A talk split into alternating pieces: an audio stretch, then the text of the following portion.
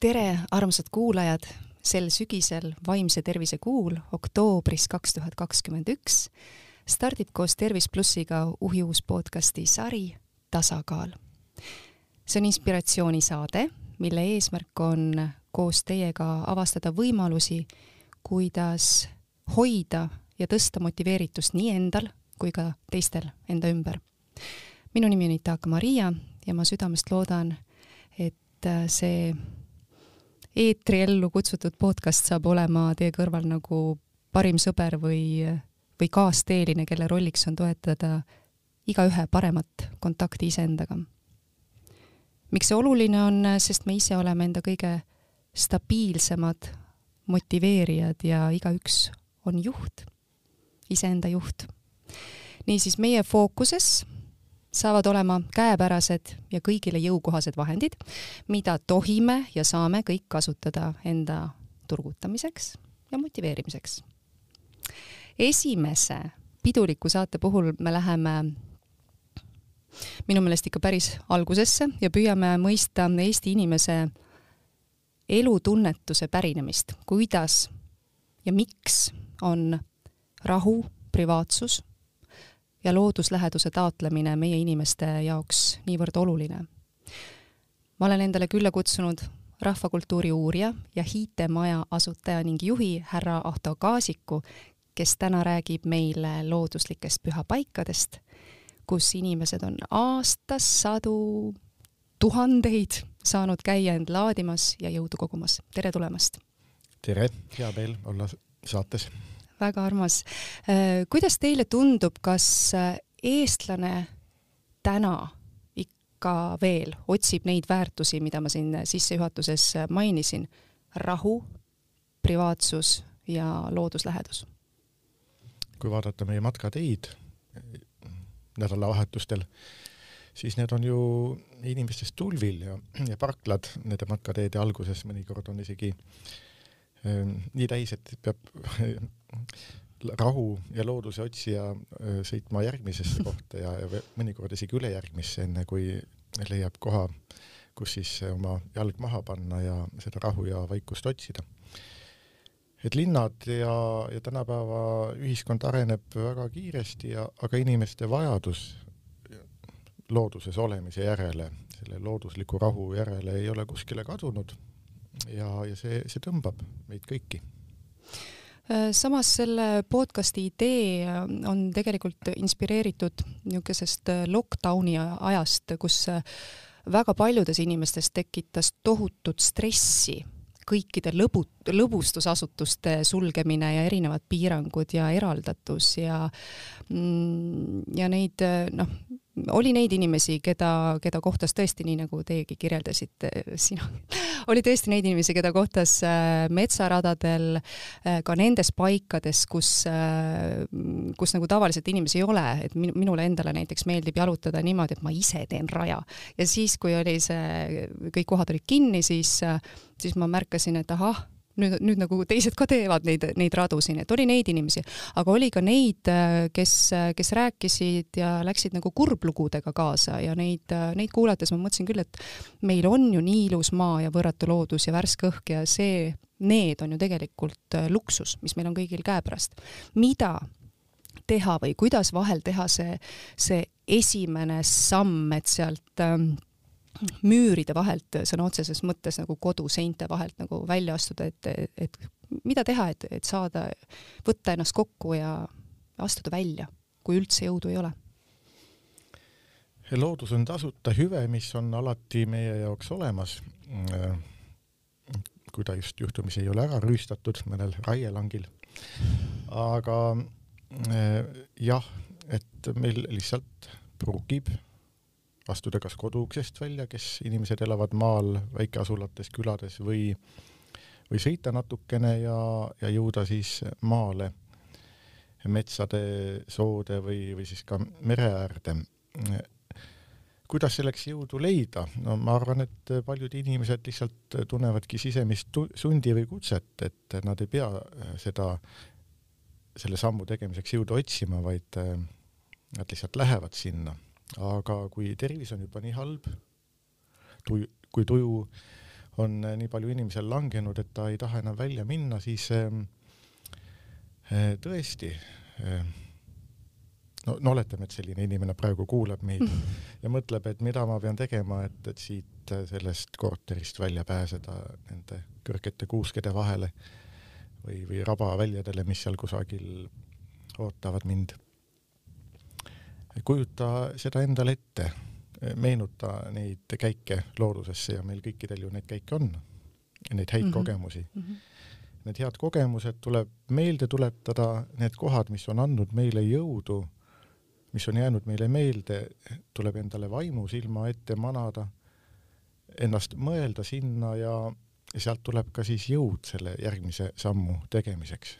loodame, et tuleb see jõud jah, avada aken ja värske sõõm värsket õhku et äh, jah, ja just nimelt, et samal ajal meil on ka neid paiku, mis äh, nagu ka ametlikult on jõuallikateks kuulutatud ja, ja need ongi hiied, legende hoidvad ohvrikivid, ristipuud, mäekesed, aga mul tekkis nagu niisugune küsimus, et kes üleüldse peab nimetama mõne paiga pühaks. sellest ju ei piisa, et, et kuskile ilusasse kohta läheb üks, ma ei tea, mõnest institutsioonist pärit mitmepealine seltskond ja siis, kui nad nagu lahkuvad, siis panevad oma kontoris, panevad paberitele templi püha et kuidas paik kujuneb pühaks paigaks? et meie maal on olnud looduslikke pühapaiku tõenäoliselt sama kaua, kui siin on elanud inimesed ehk teisisõnu et nendest kõige esimestest tulijatest peale on inimesed siis märganud kohti loodusi, mis, looduses, mis on erilised, kaunimad, vägevamad, köitvamad, kütkestavamad ja, ja võib-olla on siis meie eellased näinud seal veel omadusi, mida meie enam selgesti mm -hmm. ei teadvusta. igatahes need kohad on leitud, neid on hoitud, seal on käidud jõudu kogumas, palvetamas, ravimas mina lihtsalt oletasin, viskan nüüd aastasadu, siis parandasin ennast tuhandeid. noh, kõigepealt see toimub ka praegu, et ka mm -hmm. täna on sajad põlised pühapaigad ju elavas kasutuses ja seal on käinud äh, ka meie vanavanemad või vanemad ja kui loeme rahvapärimusi, siis üheksateistkümnendal sajandil on paljud käinud ja rahvapärimused ulatuvad võib-olla seal mõnesaja või parimal juhul tuhande aasta taha, taha, aga kui me vaatame naaberrahvaid, olgu siis need eh, soome-ugrilased, teised hõimlased, praegu on ju ka hõimukuu käimas, ja, ja kui vaatame veel kaugemale teiste maailma põlise rahvaste juurde, siis sarnaseid looduslikke pühapaiku on üle maailma ja see tähendab, et tegemist on inimkonna ühise pärandiga. et eh, see on niivõrd vana, et eh, me isegi ei tea mm, -hmm. kui mhm. kaugele minevikku me peame minema. et kus need selle, selle nähtuse juured on, et kindlasti väga sügaval ma arvan, et kui me hetkeks keskendume igaüks oma, omal sobival ajal ja, ja sa suled silmad, ma arvan, et siis on seda võimalik ka tunnetada, et seda tõesti ei ole võimalik ehk sõnadesse panna, et kui kaugele see, kui kaugele ja kui, kui sügavale see teema ulatub, aga tunnetamine on vahel isegi parem. Hiite maja on mm, ette võtnud, ma, ma kordan, Hiite, mitte IT. Hiite maja on ette võtnud äh, tohutult mahuka töö ja asunud kaardistama äh, Eestimaa pühapaiku. see on esimene ja ainus pühapaikade uurimisasutuste andmetele tuginev kaart, mis hõlmab siis kogu Eestit ja sinna on koondatud kõik seni kaardistatud ja avalikustatud pühapaigad. palju neid tänaseks märgitud on? Neid on seal ligi tuhat kolmsada, aga jah, just nimelt kaardistatud ja avalikustatud mm. -hmm. et kõik ei ole veel ka avalikustamiseni jõudnud, need paigad, mis ei ole kaitse all ja mida äh, ohustavad siis need mitte ametlikud või, või ebaseaduslikud aardekütid. et me peame ka seda ainelist pärandit ikka veel kaitsma sellise omavoli eest mõnevõrra. aga varem-hiljem jõuavad ka need eh, paigad kaardile, et mida täna siis eh, oleme hoidnud nii-öelda ootel tur mm -hmm. turvakaalutlustel ja tuhat, ligi tuhat kolmsada ajaloolist põlist looduslikku pühapaika seal kaardil on, vabalt kõigile leitavad, külastatavad ja see on meie kõigi ühine pärand. see on nüüd see, mis on nüüd siis avalikkusele ette pandud ja toodud, aga suur osa Eesti pühapaiku ei ole jätkuvalt kaardistatud. et seal palju neid märgatud on siis? et hinnanguliselt võiks meie maal olla võimalik kaardistada, see oli nüüd siis ligi kümmekond aastat tagasi, viis tuhat pühapaika.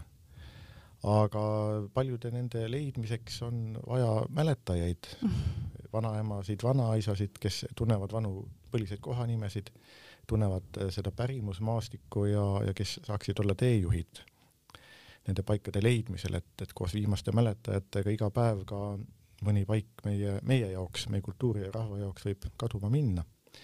et selles mõttes, et mitte see pühapaikade kaart ei ole ainus teabeallikas, vaid nüüd kuulaja võiks mõelda, et kas tema perekonnas või, või mhm. tutvuskonnas võiks mm -hmm. olla vanemaid inimesi, kes võiks olla teejuhiks selle, selle väe lätte juurde, mida me nimetame looduslikeks pühapaikadeks aga nende põhjalike uuringute käigus, et äh, mis, kuidas te hindate nende kohtade nagu seisukorda praegu, et nüüd niisugune, kui on nagu selline vaikne aeg, viimased, ma ei tea, poolteist aastat, kaks aastat, kas äh,, kas need on, see vaikne aeg on mõjunud pigem nagu hästi, et on keskkonda ja loodust säästetud või siis äh, on vastupidi, et huvi ja mõistmine on hoopis jahtunud ja sellega kahaneb ka looduskeskkonna väärtustamine?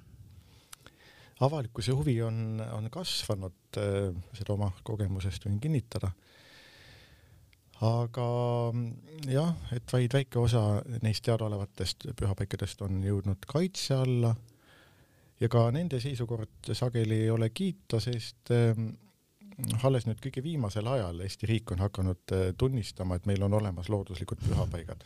seni on räägitud arheoloogilisest pärandist või, või looduspärandist. jah, just. ja, seetõttu siis äh, tervikut pole nähtud ja on lubatud raiuda ja majandada ja, ja kahjuks ka täna kaitsealustes pühapaikades võib näha no näiteks äh, traktoreid seal prügitamas või, või sõnnikut laotamas või, või loomi äh, karjatamas. et see teadlikkus, et olgu siis riigi või kodanike tasandil, on veel madal, aga noh, need teadmised on meil olemas, need paigad on olemas ja ja soovi korral ka siis need, nende paikade seisukord on, on võimalik eh, parandada, kui, kui ühiskond seda vajalikuks peab. aga, aga leidub küllalt ka neid paiku, mis on siis äh, mitte ainult eemalt vaadates ilusad, et ka täna, kui sõita läbi selle värvilise Eestimaa, siis iga metsatukk on ju kaunis ja kutsuv. me ei teagi, mis seisukorras ta seal seestpoolt on, aga eemalt vaadates sa juba saad selle oma ilu ja jõukogemuse aga on äh, ka neid hiiepaiku, kuhu sisse minnes, et meid ümbritsevadki siis sellised loodusmetsavaated. no olgu näiteks Tallinna külje all Muraste hiiemets või Jüris äh, Lehm ja hiietammik, et siin päris Tallinna, Tallinna piiri lähedal ja neid äh, kohti on veel ja veel ja looduslike pühapaikade kaart, mis on veebis avaldatud, on siis abimees ka selliste paikade leidmisel väga ilus ja tänuväärne. ja ma olen ka aru saanud nii, et, et pühapaikade peamiseks osaks nagu on loetud seda, et looduskeskkond ja seal võib leida arheoloogilist pärandit, aga, aga ennekõike muudab ülejäänud maastikuga võrreldes need pühapaigad jah, eriliseks ja väärtuslikuks just see vaimne pärand. et palju meil nüüd tänapäeval äh, neid paiku elavas kasutuses on, kus siis äh, on, on näha ja järgitakse, et Eesti rahvakultuurile omaseid kombeid, traditsioone, uskumusi, sündmusi, käiakse, viiakse läbi võib-olla mingeid rituaale. et äh, palju meil neid niisuguses nagu elavas kasutuses on? seda on äh, raske öelda, kui mitte võimatu, sest osad tavad ju ei jäta jälgi. et ka ühe paiga salajased äh,? salajased või, või ka mittesalajased, et ühe pühapaiga teadmine, mäletamine äh,, selle poole hea pilguga vaatamine, kas see on tava? sa mäletad, sa tead et see koht on olemas ja, ja selle, selle mäletamise, selle vaimse sideme kaudu, sideme hoidmise kaudu sa hoiad ka ühte tava mm, -hmm. isegi põhi, põhilist tava elus. ja alles siis tuleb see hetk, et kus sa lähed sinna kohale oma, mitte vaimus enam, vaid juba oma kehaga kõnnid sinna jõuad pärale ja, ja ka see on üks põhilisi tavasid püha või Mhm. rituaale võib ka öelda, et sa lähed olulisse kohta. ka seda võib nimetada rituaaliks. Puud, puude juurde minemine, veekogude juurde minemine või rappa minek või, või metsa minek, et seda kõike ju võib ka rituaaliks nimetada, et need on toimingud, mis annavad inimestele jõudu, mida korratakse ikka ja jälle ja looduslikes pühapaikades siis on jah, sealjuures ka see vaimne, esivanematelt saadud vaimne pärand, nende paikade nimed, kohalood, uskumused, tarkused, mis muudavad need kohad siis eriti väärtuslikeks.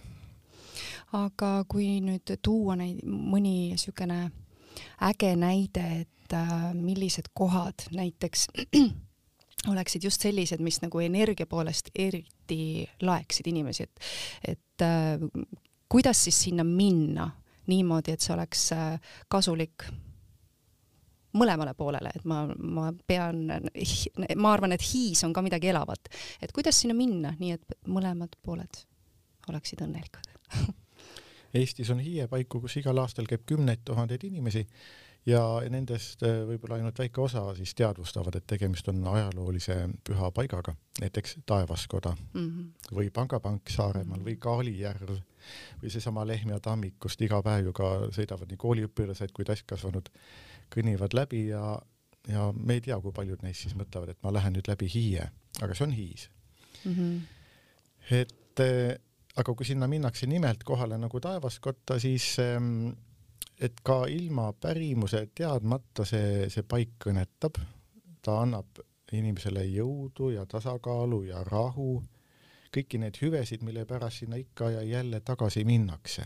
see, see on see hiievägi, mis kõnetab, puudutab ja toimib ka ilma selleta, et inimene oleks teadlik selle mm -hmm. paiga juurtest. aga loomulikult, et kui me teame ka neid lugusid, et, et see on nüüd püha paik ja seal on tehtud seda ja toda ja et tema tähendus ja väärtus on selline ja et see ravib nüüd näiteks silmahaigusi, see allikas ja too allikas luuhaigusi. et kõik need esivanemate tarkused sinna juurde ja lisaks siis ka veel soovitused, manitsused, et kuidas seal käituda, et sa, sul läheks hästi. Et siis sellise teadlikkusega minnes loomulikult me näeme ja kogeme rohkem, et avatud hing, avatud süda kogeb rohkem kahtlemata no aga kuidas käituda? esmalt on vaja või on soovitav tervitada mm.. et meie esivanemad on teretanud ka metsa kui, kui elusat keskkonda, et me loodus meie, meie rahva jaoks ei ole mitte eluta, ei ja. ole mitte hingeta tooraine, vaid on elus hingestatud ähm, ümbruskond, naabruskond võiks isegi öelda ja et isegi kui on mindud ju kirvega metsa puud raiuma, siis ikkagi on ju tervitatud, on ka küsitud luba ka konkreetselt puult, et kas ma võin nüüd raiuda või on palutud vabandust. on majandatud nii nagu ikka on tarvis, aga on arvestatud seejuures, et see on elus ja hingestatud. Ja see nüüd võib-olla läheb veidi, veidikene teemast kõrvale, aga et kogu metsamaal või metsaalal on olnud veel ka omad reeglid, millest on hoolega kinni peetud et kevadest sügiseni ei ole heaks peetud raiuda, isegi hagu ei ole soovitatud raiuda ja alles nüüd peale siis vihklipäeva ehk kasupäeva, kakskümmend üheksa september, et algab see pärimuslik metsatööde hooaeg, et sealt peale puud jäävad uuesti magama kuni kevadel urbepäevani, millal nad siis jällegi ärkavad elule. Et seal vahepeal nende magamise ajal, et on siis soovitatud neid metsatöid teha ja, ja teisel ajal mitte. sihuke põnev. Ja, ja meie rahvakalendri kevad kevadised pühad, mitmed on ka sellised, mis annavad puutumatuse kogu metsale, näiteks karjalaskepäev või, või jüripäev, kahekümne kolmas, samuti see urbepäev ja, ja munapüha ja mõni veel, et mille puhul on öeldud, et ei tohi mitte ühtegi vitsa murda mitte kusagilt, et kogu mets ja maa on püha ja puutumatu nagu hiies issand, ma jätan meelde, nagu tõesti. Ja annan selle ka edasi oma pisikese, mul on, mul on väike poeg, on täiesti niisugune puude eest äh, seisja ja kaitsja ja tohutult armastab neid, et ma kindlasti annan edasi, aga aga, aga veel ma mõtlesin, et, et näiteks äh, noh, ütleme siis kuulajatele ka seda, kui et äh, romantilises mõttes armastut, armastust otsides, et milline allikas see võiks siis olla ja kust, kust siis juua või, või kuhu, ma ei tea, punaseid ribasid liputa, riputada, et, et siis nagu kohata armastust koos vastuarmastusega. kas niisuguseid kohti on ka? mida kohe oskaks niimoodi nimetada? ehm,?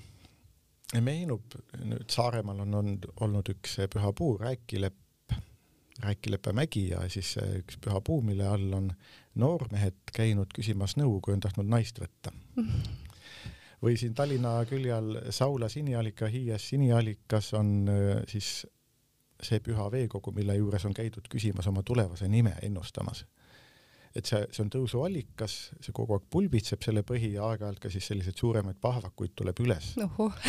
ja, ja kui nüüd neiu, aga miks mitte ka noormees läheb ja eh, tervitab seda allikat ja suhtub aupaklikult ning küsib, et kes on mu tulevane ja, ja loetleb aegamisi neid võimalikke kandidaatide nimesid.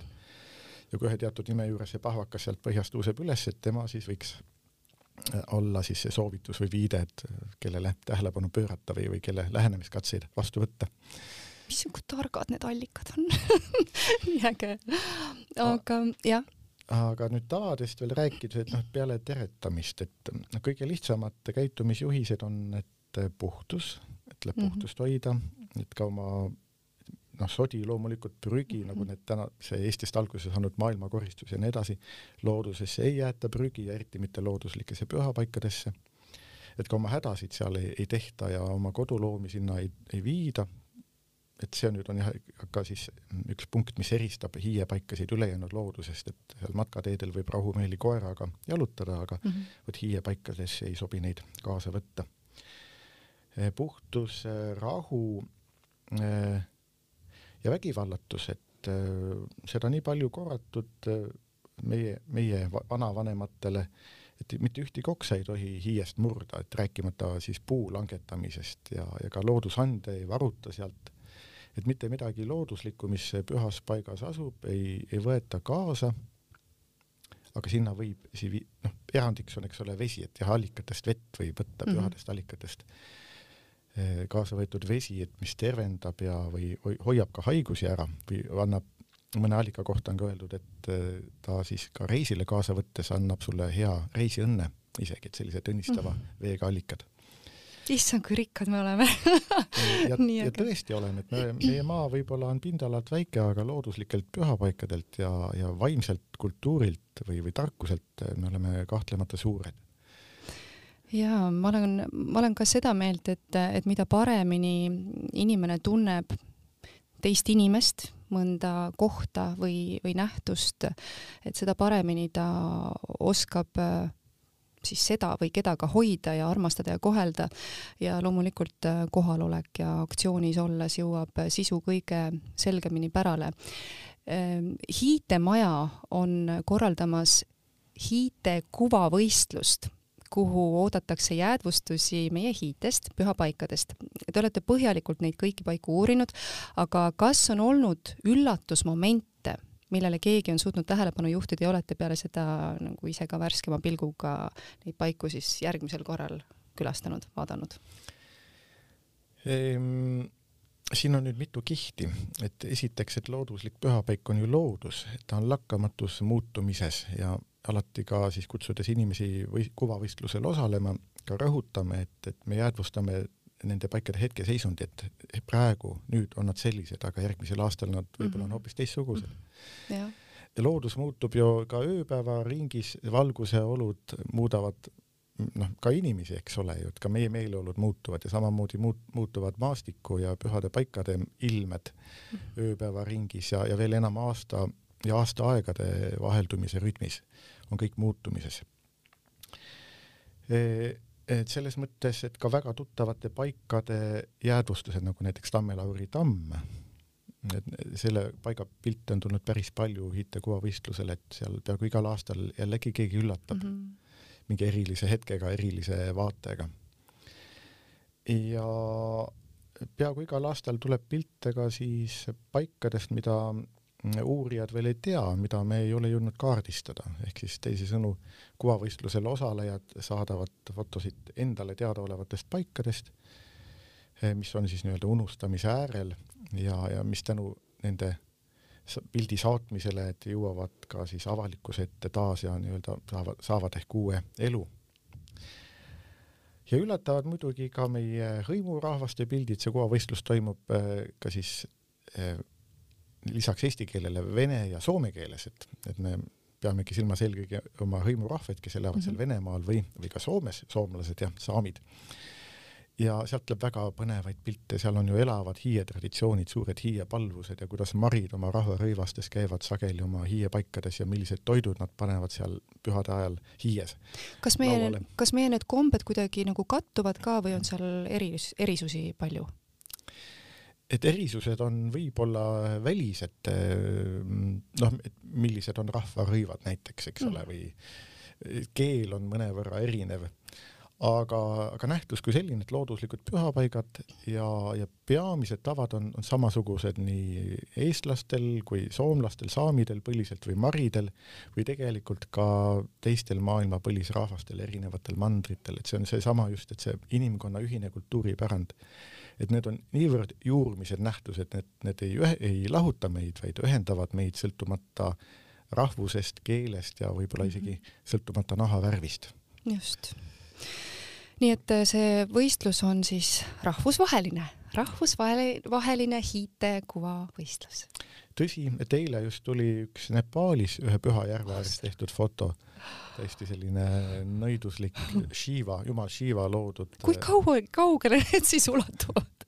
nojah, sa just seletasid ka ilusti ära, et et ja see võistlus lõpeb nüüd viisteist sporikuud ehk oktoober kohe-kohe, aga kui te ei jõua tänavu osaleda, siis lood-, loodetavasti järgmisel aastal juba viieteistkümnendat korda see võistlus toimub.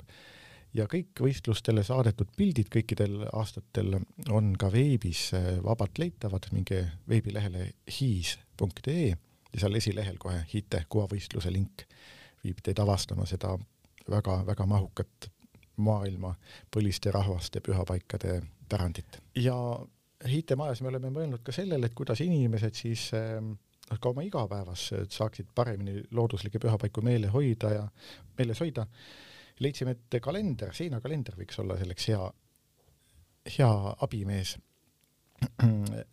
ning nüüd äh, tänavu, siis aasta kaks tuhat kakskümmend üks, Hiie kalender on koostatud äh, Hiite kuhavõistluse võidupiltidest läbi aastate ja neid on siis Eestist ja, ja ka meie hõimurahvaste juurest kalendrisse valitud.